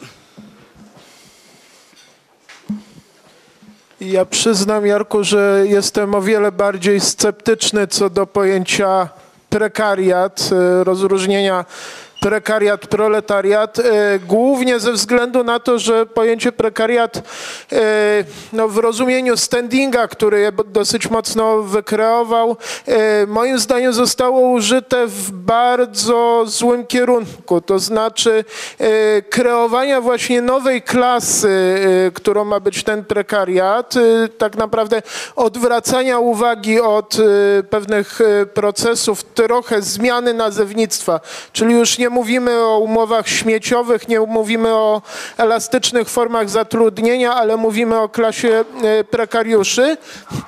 I bardzo często to niestety prowadzi do e, bardzo słabych odpowiedzi, jeśli o, chodzi o e, postulaty pozytywne. To znaczy to, co proponuje standing na przykład w karcie prekariatu, że y, no, wystarczy tym ludziom zwiększyć y, bezpieczeństwo y, socjalne i zapewnić na przykład bezwarunkowy dochód podstawowy, no to moim zdaniem jest regres nawet w porównaniu z tym, co proponowała klasyczna socjaldemokracja, że to jest bardzo przesunięcie właśnie w kierunku takiego dyskursu kapitału, dyskursu kapitalistycznego i przerzucenie w zasadzie odpowiedzialności z kapitału y, na państwo, które no, co na klasie pracującej się odbije dosyć y, niekorzystnie, więc no, dlatego mam taką uwagę, że y,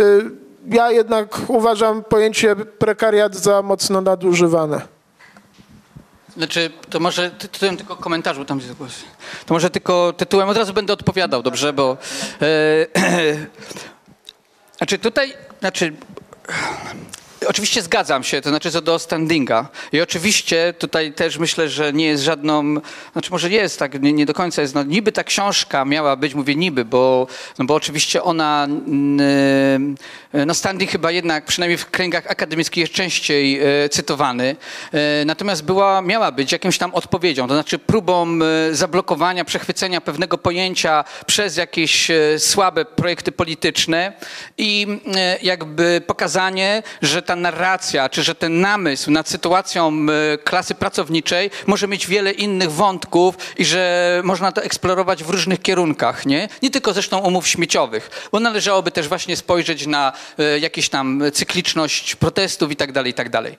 Ale też e, no oczywiście w jakiś sposób bronię pojęcia prekariatu. A tuż dlaczego? Otóż myślę, że to się bierze też z takich względów trochę też teoretycznych, ale mimo wszystko istotnych. Jeżeli chodzi o taką walkę dyskursywną, to jednak mimo wszystko pojęcie proletariatu, czy nawet wielkoprzemysłowej klasy robotniczej ma określone konotacje jakby również symboliczne i znaczeniowe. I, i e, to jest jakby jedna kwestia. A druga kwestia to jest tak, e, to jest taka kwestia, że oczywiście było pewnym mitem, że klasa robotnicza jest pewnym jakby e, no monolitem i że nie ma we, wewnątrz niej podziałów. O tym pisze między innymi Beverly Silver, że to był pewien marksistowski mit, że w wyniku rozwoju kapitalizmu będzie taka sytuacja, kiedy e, robotnicy zostaną tak e, spauperyzowani, że właściwie różnice między nimi przestaną istnieć. Również różnice między płciami, czyli że sytuacja robotnicy i robotnika będzie absolutnie taka sama. W związku z powyższym, w pewnym sensie, z perspektywy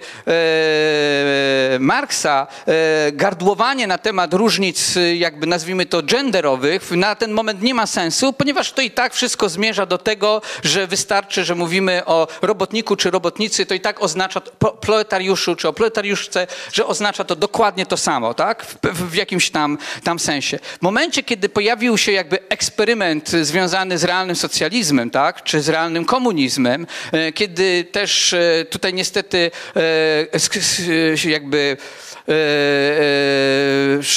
szkolnictwo czy, e, czy środowiska akademickie dołożyły swoją refleksję, pisaną tak naprawdę pod zamówienie e, tego, tego systemu, to e, e, wielkoprzemysłowa klasa robotnicza doczekała się wielu różnych narracji i żeby zdjąć z nich ten, żeby zdjąć z tej narracji odium, myślę, że zastosowanie słowa prekariat nie jest e, takie zupełnie, powiem kolokwialnie, od czapy, tak? Czyli, że, e, że przesuwa jakby dyskusję i uruchamia ją na nowo. To znaczy pytanie pytanie polega na tym, czy gdybyśmy nie używali, nawet w wydaniu standinga, czy byśmy nie użyli słowa prekariat, to czy by ta dyskusja e, toczyła się i jak ona by się toczyła? Moim zdaniem nie miałaby takiej dynamiki. Nie? To znaczy, że generalnie rzecz biorąc, opinia publiczna, społeczeństwo potrzebowało nowego pojęcia, żeby móc się na nowo zastanowić nad sytuacją oczywiście klasy pracowniczej jako klasy pracowniczej, czy klasy robotniczej jako klasy robotniczej. Można było ją też tak próbować zdefiniować, że, że być może to pojęcie prekariatu nie byłoby konieczne,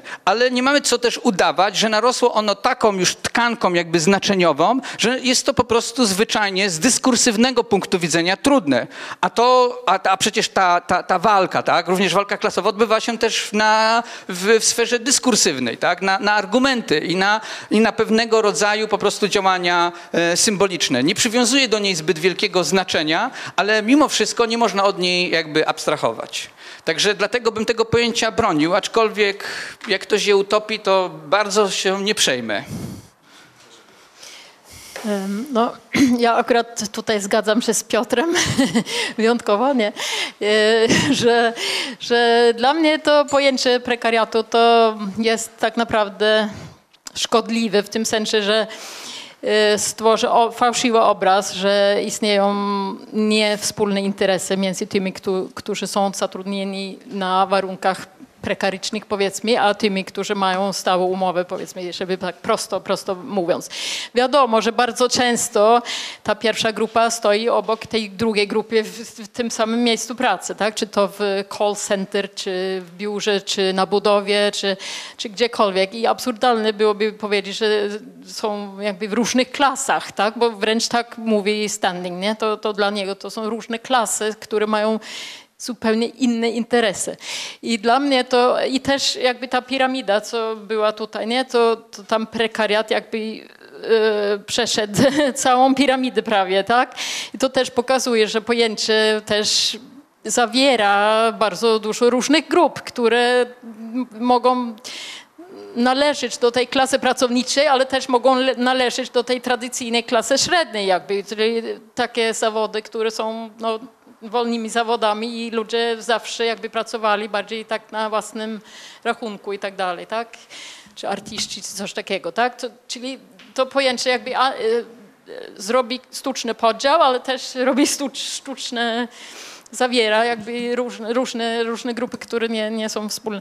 Ja, ja myślę też, że trzeba podkreślić, że są duże różnice tak, między, między krajami tutaj, jeśli chodzi o prekaryzację powiedzmy pracy i Polska jest na czele oczywiście i trzeba tłumaczyć dlaczego. I dla mnie to prekaryzacja jest po prostu klasycznym sposobem e, właśnie, no, jak mówisz, jakby ataku na pracowników w sytuacji, kiedy pracownicy mają słabą siłę prze- przetargową e, na rynku pracy I, i to, że Polska, wiesz, 25 lat ma masowe bezrobocie, to oczywiście bardzo osłabiło tą siłę przetargową i równocześnie związki zawodowe osłabione najpierw przez stan wojenny, potem przez e, terapię szokową i, i, i nie można było właśnie bronić nawet no, to, co się miało, tak? E, Więc tutaj ja myślę, że prekaryzacja to jest po prostu klasyczny, klasycz, czyli jedna z strategii klasy panującej w sytuacji, kiedy jest kryzys po prostu, żeby atakować tam, gdzie się da i, i, i, to, są, i to też, oczywiście ja nie mówię, że wszystko jest to samo zawsze i zawsze tak było i tak dalej, ale też to nie jest tak naprawdę nowe, coś nowego, w sensie duże grupy pracownicze mi- miały prekaryczne warunki pracy, tak? Na budowie musiałeś stawić się rano i zobaczyć, czy, czy ten y, mistrz się wybrał, czy nie wybrał. Tak samo dokery, czy wiesz, w różnych zawodach i potem wywalczono. Nawet w Anglii, ja nie wiem kiedy to było, ale bardzo, bardzo długo nawet nie było umów o pracę. Ludzie nie mieli nawet umów o pracę, tak?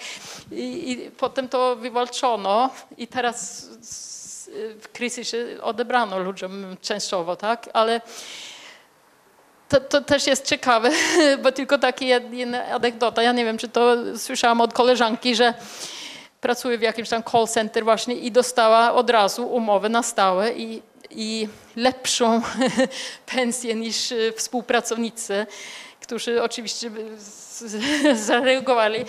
I to może, może być jakiś znak, że, że, że właśnie ta siła przetargowa może, może się zmieniać troszeczkę tak, w niektórych miejscach pracy i wtedy to trzeba się zorganizować. I tylko ja mam doświadczenie e, z innego kraju, ale z organizowaniem właśnie pracowników agencji tymczasowej, gdzie mamy układ zbiorowy, krajowy układ zbiorowy pracy dla tych pracowników i no, mają związek zawodowy w firmie i tak dalej, czyli w wielu firmach nawet. I, i to, to jest też, pokazuje jakby, że te grupy mają wspólne sposoby działania, organizowania się, czyli mogą mieć i powinni mieć i, i wspólne interesy w No zasadzie. dobrze, tylko że, tak? tylko że wspólne, interesy, można powiedzieć, że ten wspólny interes można o, e, osiągnąć w dwojaki sposób. Albo e, nazwijmy to stara klasa robotnicza zacznie się nazywać prekariatem również i się utożsamiać z nowymi, sprekaryzowanymi warunkami pracy w sensie politycznym, a, a, a nie, że z góry zakładamy,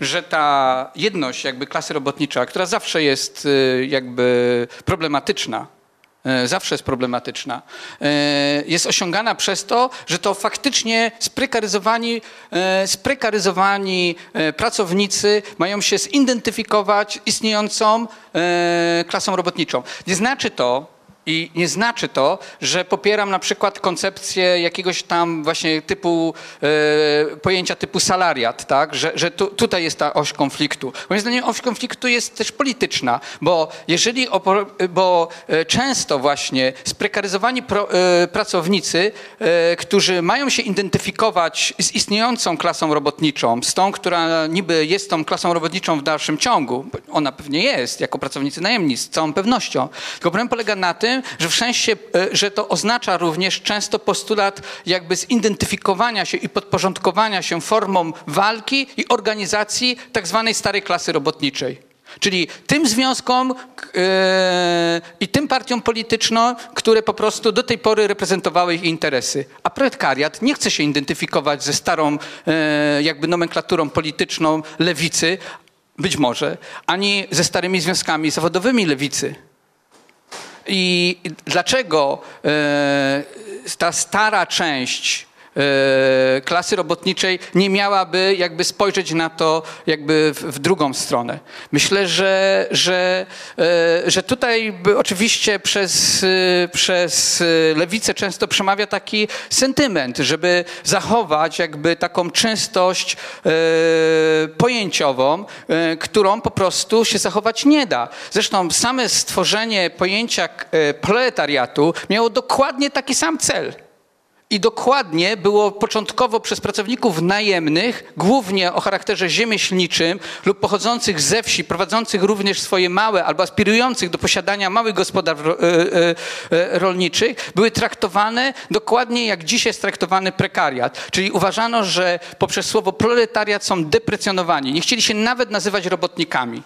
A toż właśnie dlatego, że był problem jakby e, z identyfikacją, ale również polegającą nie tylko tak tożsamościowo, nie tylko psychologicznie, nie tylko światopoglądowo, ale i utożsamianie się z pewnymi formami walki i uczestniczeniu w pewnymi form jakby e, właśnie cyrkulacji tych walk, pewnych, e, ale też pewnych form organizowania się, się pracowników. Więc moim zdaniem akurat słowo proletariat miało, jest dobrym przykładem, jak pewne pojęcie po prostu zostaje wprowadzone na potrzeby po prostu walki politycznej, po czym obrasta, jak to mówiłem, całą tkanką różnego rodzaju skojarzeń, już było różnie wykorzystywane przez różne siły, również dzisiaj przez nas krytykowane, przez starą lewicę, przez stare związki zawodowe, zbiurokratyzowane, scentralizowane, jeżeli nie mamy, chcemy mieć nic do czynienia, to mamy prawo do zastosowania nowych pojęć i mamy prawo wymagać, żeby dotychczasowa ws- y, klasa e, robotnicza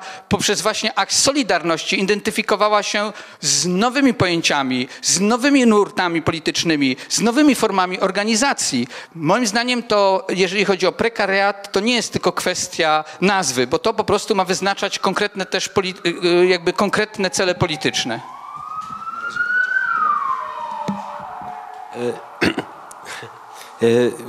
Żeby tak e, nie było tak strasznie pesymistycznie, to powiem z perspektywy takiego doświadczenia osób mniej więcej w moim wieku, ja mam 25 lat, e, to tak naprawdę e, to akurat nie jest do końca moja historia, bo ja gdzieś tam z lewicą utożsamiałem się już wcześniej, natomiast wśród wielu moich znajomych dyskusja o, o prekariacie, o prekaryzacji pracy tak naprawdę dała im siatkę pojęciową, która sprawiła, że mm, zainteresowali się e, powiedzmy ruchem pracowniczym w perspektywie globalnej e, czy lokalnej, zaczęli utożsamiać się e, z, ze sobą jako pracownikami, widzieli, zobaczyli swoje miejsce gdzieś tam w strukturze społecznej, zobaczyli, że ich doświadczenie nie jest tylko doświadczeniem jednostkowym, ale e, również jakąś kondycją e, z jednej strony całego pokolenia, z drugiej strony osób też starszych. Dlatego uważam, że e, z perspektywy użyteczności powiedzmy tego, mm, tego terminu dla e, osób powiedzmy z mojego pokolenia zrobił on dużo dobrego. Ja zobaczyłem jak na bazie właśnie e, rozszerzania się dyskusji o tym, czym jest prekariat, e,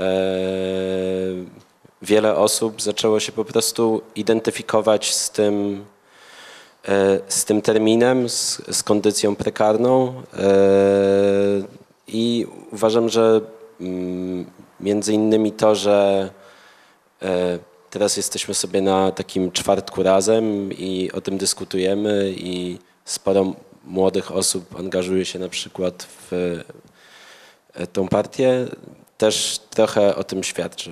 Więc ja, chciałem, nie chciałem zadawać takiego py- żadnego pytania, chciałem po prostu sobie coś tam powiedzieć z drugiej strony, że e, dla doświadczenia osób e, powiedzmy w moim wieku jednak zauważyłem dużą zmianę świadomościową, jeżeli chodzi o moich znajomych ze studiów, znajome i tak dalej.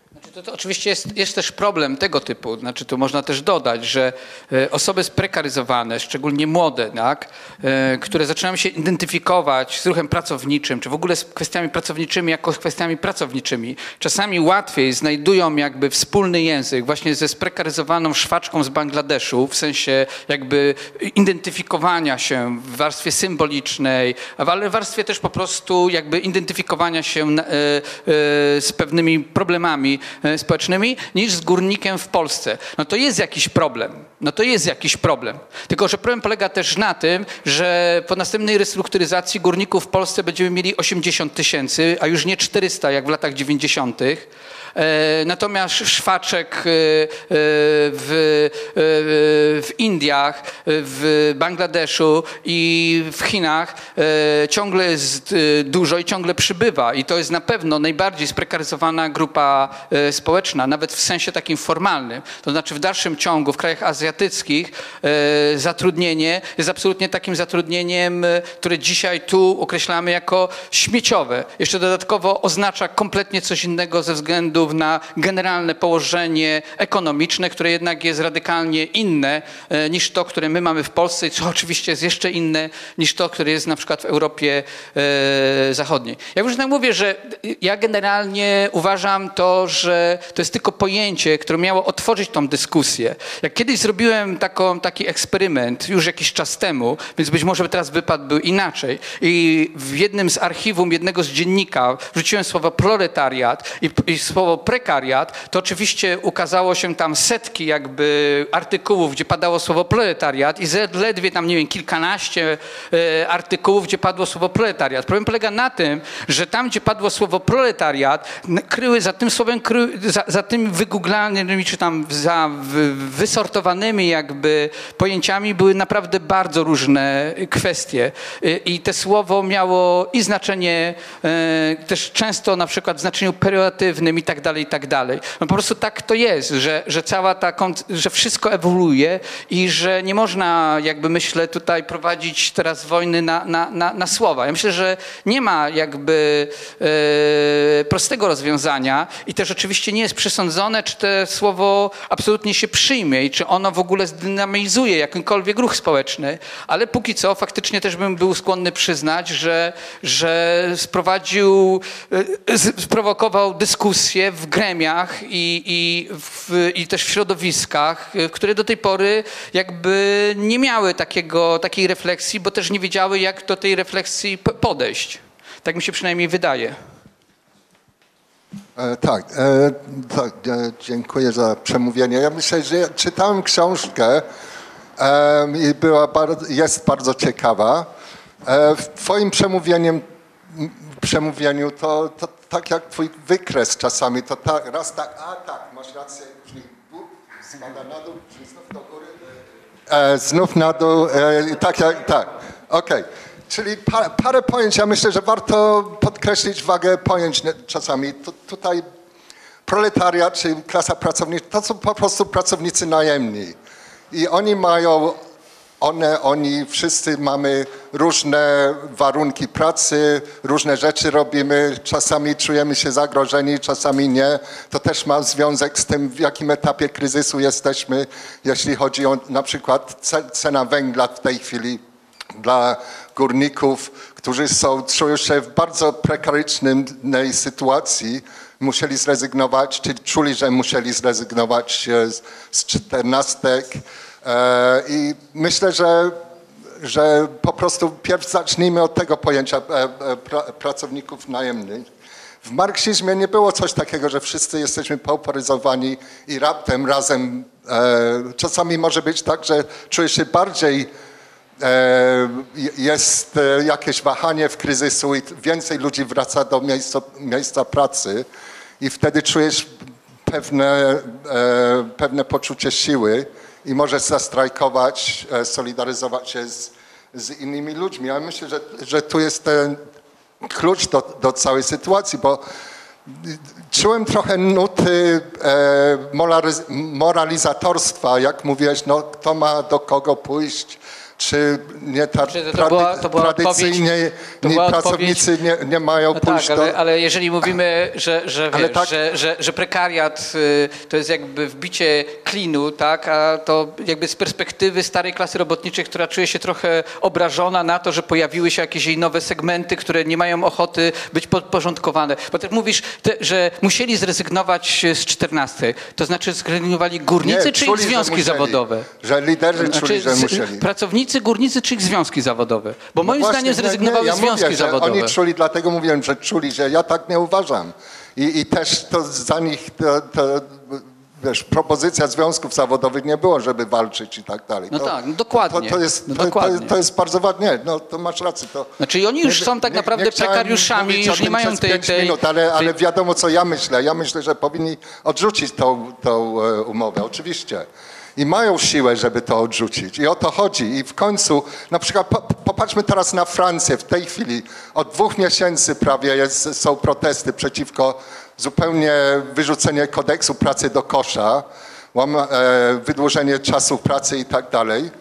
I tam po, od 31 marca ludzie tysiącami wychodzą na ulice i Paryża, i e, innych miast. I, i, I są tam wielkie wiece i dyskusje i różne poglądy i tak dalej. W ostatni, w ostatni czwartek 600 tysięcy ludzi e, brało udział w protestach. W Paryżu to był wielki e, prot, protest i ludzie skandowali strajk generalny, strajk generalny. I tam założę się, że by, byli i związkowcy z różnych tradycyjnych e, sektorów i prekariusze tak zwani i tak dalej. I, i to w momencie, kiedy jest taka walka, to właśnie to, to jest to, co łączy. To, te poczucie, solid, nie tylko poczucie, ale aktywna solidarność między pracownikami. Wszystko jedno w, w jakim sektorze. I tu nie, nie, nie ma potrzeby do, jakiejś, do jakiegoś moralizatorstwa, że, że pracownicy czują to czy tamto oburzeni, że, że jest nowy sektor. Nie czują się oburzeni, tylko nie mają pewności siebie z reguły, żeby walczyć. A w momencie, kiedy zaczynają mieć tą pewność siebie, to trzeba łączyć jak najwięcej ludzi w, e, w tych protestach i, i w tych walkach. Ale czasami nie, może bywać tak, że człowiek w takim tradycyjnym sektorze jest bardziej zagrożony na przykład bezrobociem w danym czasie, bo ten sektor akurat jest e, w dołku niż ktoś, który ma te prekaryczne war- warunki, a, je- a jego czy jej sektor jest, e, po, potrzebują pracowników. I nie można tak. I dlatego ja myślę, że, że ten, to pojęcie nie jest pomocne, bo, bo samo pojęcie tworzy sztuczne podziały, bo często bywało tak w ruchu robotniczym, pracowniczym, że, że były te, takie sektory, w którym ludzie mówili, że nie można organizować pracowników. Nawet samochodowi robotnicy w, w Stanach Zjednoczonych na przykład. I były wielkie walki i ludzie zostali zo- zorganizowani. I tak jest, tak jest, jak jest każda fala buntu robotniczego, pracowniczego, to ludzie w różnych sektorach właśnie się organizują. I to nie, nie, nie pomaga, żeby tworzyć takie, że ci powinni ta, do tamtych że zgłosić, że, żeby pomóc i tak. To, to, Znaczy, Wiesz, to znaczy, to sytuacja jest znaczy. taka, że, że jak powstawała inicjatywa pracownicza, to jest jedna anegdota, jakby też e, odniesienie do kwestii pewnego żonglowania jakby pojęciami. Teraz mówienie, że akurat te pojęcie ma taką siłę, że wprowadzi, po, że wprowadzi podziały w klasie robotniczej, e, bo to jest jeszcze pytanie, nie? Czy, czy ta dyskusja i czy te pojęcie, i czy te dwie książki, które się ukazały na polskim rynku pracy są w stanie wprowadzić podziały w klasie robotniczej. Ale, ale jeżeli, jak, jak tworzono inicjatywę pracowniczą, to były pretensje też i były też zastanowienia i wielka debata, dlaczego inicjatywa się nazywa pracownicza, a nie robotnicza. No, i, no, no można, nie, to, to, no oczywiście, ja też, żebym, no wiadomo, no, dzisiaj się już częściej mówi, żeby, że, bo jednak mamy inne skojarzenie, bo chcemy jakby odjąć e, pe- pewne, wiemy o co chodzi, znaczy my szczególnie wiemy o co chodzi, że jak mówimy klasa, nie mamy ty czy ja problemu, żeby powiedzieć klasa robotnicza. Ale jeżeli mówimy też do, do w ogóle, mówimy do, uczestniczymy w szerszej debacie, jeżeli chcemy, żeby ludzie to samo rozumieli, co my rozumiemy, czyli nie tylko wielką przemysłową klasę robotniczą, czyli hutników, górników, stoczniowców, e, nie wiem, nawet e, pre- kierowców tirów i tak dalej, zmaskulizowaną, i, i mającą takie, a nie inne skojarzenie, to mówimy klasa pracownicza, ponieważ y, mamy nadzieję, że wtedy nasz rozmówca czy nasz słuchacz skojarzy też pielęgniarki y, i tak dalej, i tak dalej. A jak powiemy prekaria, to może dorzuci do tego artystę, ktoś, kto stoi w biurze właśnie z call center i do tego jeszcze szwaczkę z Bangladeszu. To jest ta strategia dyskursywnej walki. No wiadomo, wiadomo. Ostatecznie jest też klasą robotniczą. Ostatecznie wszyscy są pracownikami najemnymi. Tylko problem polega na tym, że żebyśmy się zrozumieli, żeby w tej jakby, bo to teraz zeszliśmy na poziom, na ile ważna jest ta walka dyskursywna, e, no to być może warto eksperymentować z nowymi pojęciami, które niekoniecznie muszą być czymś dobrym. Bo oczywiście może być tak, że, że ktoś w sensie politycznym wykorzysta te pojęcie, tak jak się zarzuca z, na przykład standingowi, jak tutaj padło, e, że wykorzystał to w ten sposób, e, żeby zaproponować e, bardzo minimalistyczny z punktu widzenia politycznego program. No i to oczywiście jest, jest źle. Tylko teraz problem polega na tym, czy lepiej z nim jakby polemizować, posługując się tym pojęciem, czy się próbować odciąć, nie? Kiedy i tak jakby ten, ten, ten, ta, te pojęcie, o czym też piszę w książce, to nie jest tak, że ja je wymyśliłem. To nie jest tak, że standing wymyślił. Ono już gdzieś tam funkcjonowało. Ono funkcjonowało w dobrej wierze. Tworzyli je ci ludzie, którzy byli silnie związani byli z lewicą. Chyba pierwszy raz Bourdieu chyba to używał. Może nawet, nawet nie wiem. A w każdym razie na pewno używali go ci, którzy pracowali na przykład z imigrantami. e, jest, jest cała historia mówiąca, gdzie te pojęcie się poj- po- pojawiało we Włoszech i tak dalej, z intencjami, żeby jakby doprecyzować pewnego rodzaju. e, Ja myślę też, że nie ma nic złego, żeby sygnalizować całej klasie pracowniczej, że jednak te podziały istnieją i że one są na tyle istotne, żeby je sobie w ogóle uświadamiać, bo jeszcze jest problem, że bez pewnych pojęć e, cała klasa pracownicza, jeżeli w ogóle mówimy, że ona ma chociaż minimalną refleksję na temat swojego położenia, żeby też sobie jednak uświadamiała, że pewne są pewne fundamentalne różnice i one istnieją. Nie wystarczy powiedzieć, że wszyscy jesteśmy pracownikami najemnymi. Szef banku z reguły też jest pracownikiem najemnym. To nie znaczy, to nie jest takie proste, że trzeba właśnie pokazać, jaki jest skład, społeczny i te, znaczy skład, skład całej klasy robotniczej. I, I że dodać, że się nie jest szefem. I to, Proszę? Że się nie jest szefem. Tak. No wiesz, no to sprawa, sprawa łączenia szefostwa pracy najemnej z posiadaniem akcji i tak dalej, to jest osobna jakby dyskusja. Ale generalnie rzecz biorąc, to chodzi też o zaakcentowanie zmienności składu, za którym idzie zmienność terminologii. Ja nie widzę w tym nic złego. Chyba wyczerpały się możliwości polityczne. Dziękuję, bo też Niestety jesteśmy ja zobligowani tutaj. dyskusję. Jesteśmy, dziękuję wszystkim za uwagę, a wam za wytrwałość.